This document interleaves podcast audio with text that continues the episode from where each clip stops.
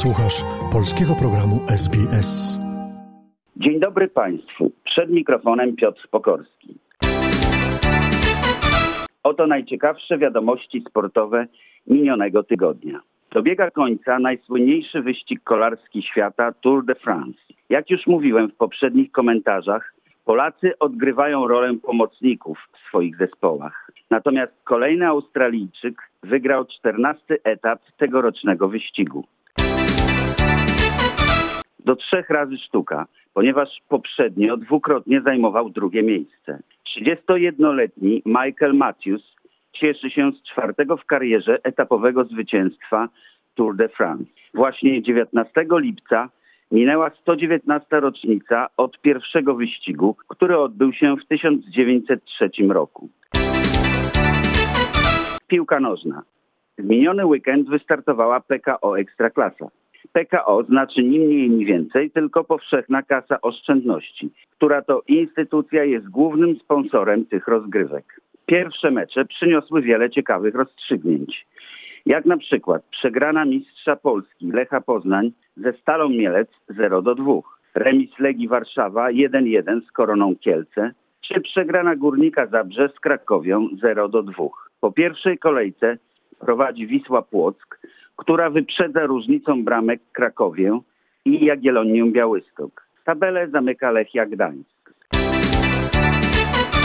Innym ciekawym wydarzeniem na krajowym podwórku było zakończenie kariery piłkarskiej reprezentacyjnego bramkarza Artura Boruca, który skończył w tym roku 42 lata. Artur wystąpił w sumie w 673 meczach, grając w Polsce, Szkocji, Anglii, Niemczech i Włoszech. 65 z tych meczy rozegrał dla reprezentacji Polski. Z okazji zakończenia kariery Artura odbył się w Warszawie mecz pożegnalny pomiędzy ostatnim klubem piłkarza Legią, której nazywany był królem Arturem, a jego poprzednim klubem Celticiem Glasgow. Mecz oczywiście zakończył się politycznym remisem 2 do 2.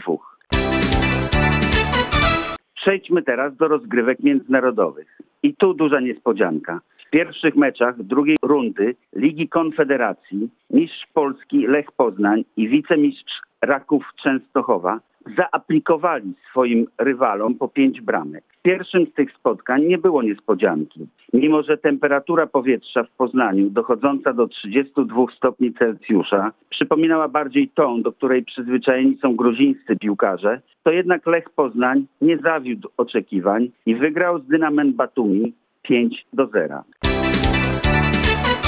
Natomiast dużym zaskoczeniem była słaba postawa zespołu Astana z Kazachstanu, dla którego mecz z Rakowem Częstochowa był już 83 meczem w europejskich pucharach. W porównaniu do rywala, który w swojej stuletniej historii dopiero w zeszłym sezonie rozpoczął przygodę z europejskim futbolem. Raków Częstochowa wygrał jednak za Staną 5 do 0, dając swoim kibicom dużą nadzieję na awans do trzeciej rundy. Ciekawostką jest, że w rankingu UEFA Astana zajmuje 92 miejsce, a Raków 248. Ale najdroższy piłkarz za Stany, Max Ebong, wyceniany jest na 1,2 miliona euro, natomiast Iwi Lopez z Rakowa na 4 miliony. Pogoń Szczecin tylko zremisowała z Bredby Kopenhaga 1 do 1 i w rewanżu czeka ją trudne zadanie. Teoretycznie w lepszej sytuacji w rewanżu może być Lechia Gdańsk, która w pierwszym meczu na wyjeździe zremisowała 0-0 z Rapidem Wiedeń. Przejdźmy teraz do piłki nożnej na poziomie reprezentacji. W Anglii trwają Mistrzostwa Europy w piłce nożnej kobiet. Rozgrywki cieszą się olbrzymią popularnością i są na bardzo wysokim poziomie. Rywalizacja pań w ten weekend weszła na etap półfinałów, które odbędą się w przyszłym tygodniu. Zagrają ze sobą Anglia-Szwecja i Niemcy-Francja. Ale nie tylko piłką ludzie żyją.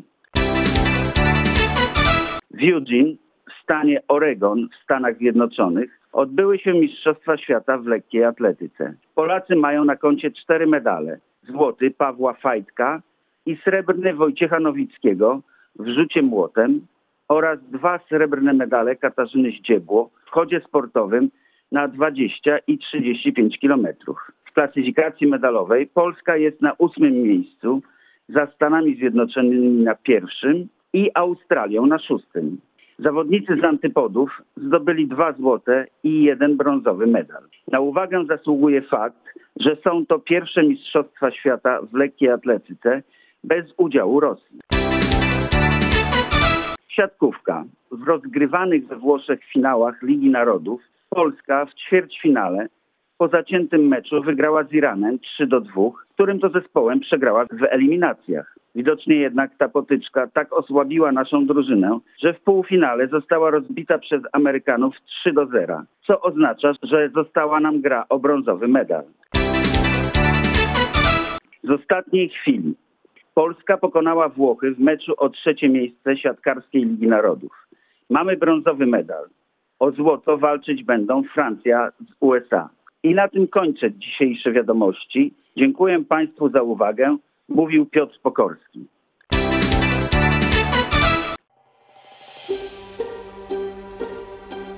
Zainteresowało Cię? Chcesz usłyszeć więcej? Słuchaj nas na podcastach dostępnych w Apple Podcast, Google Podcast czy Spotify lub w jakimkolwiek innym, który używasz.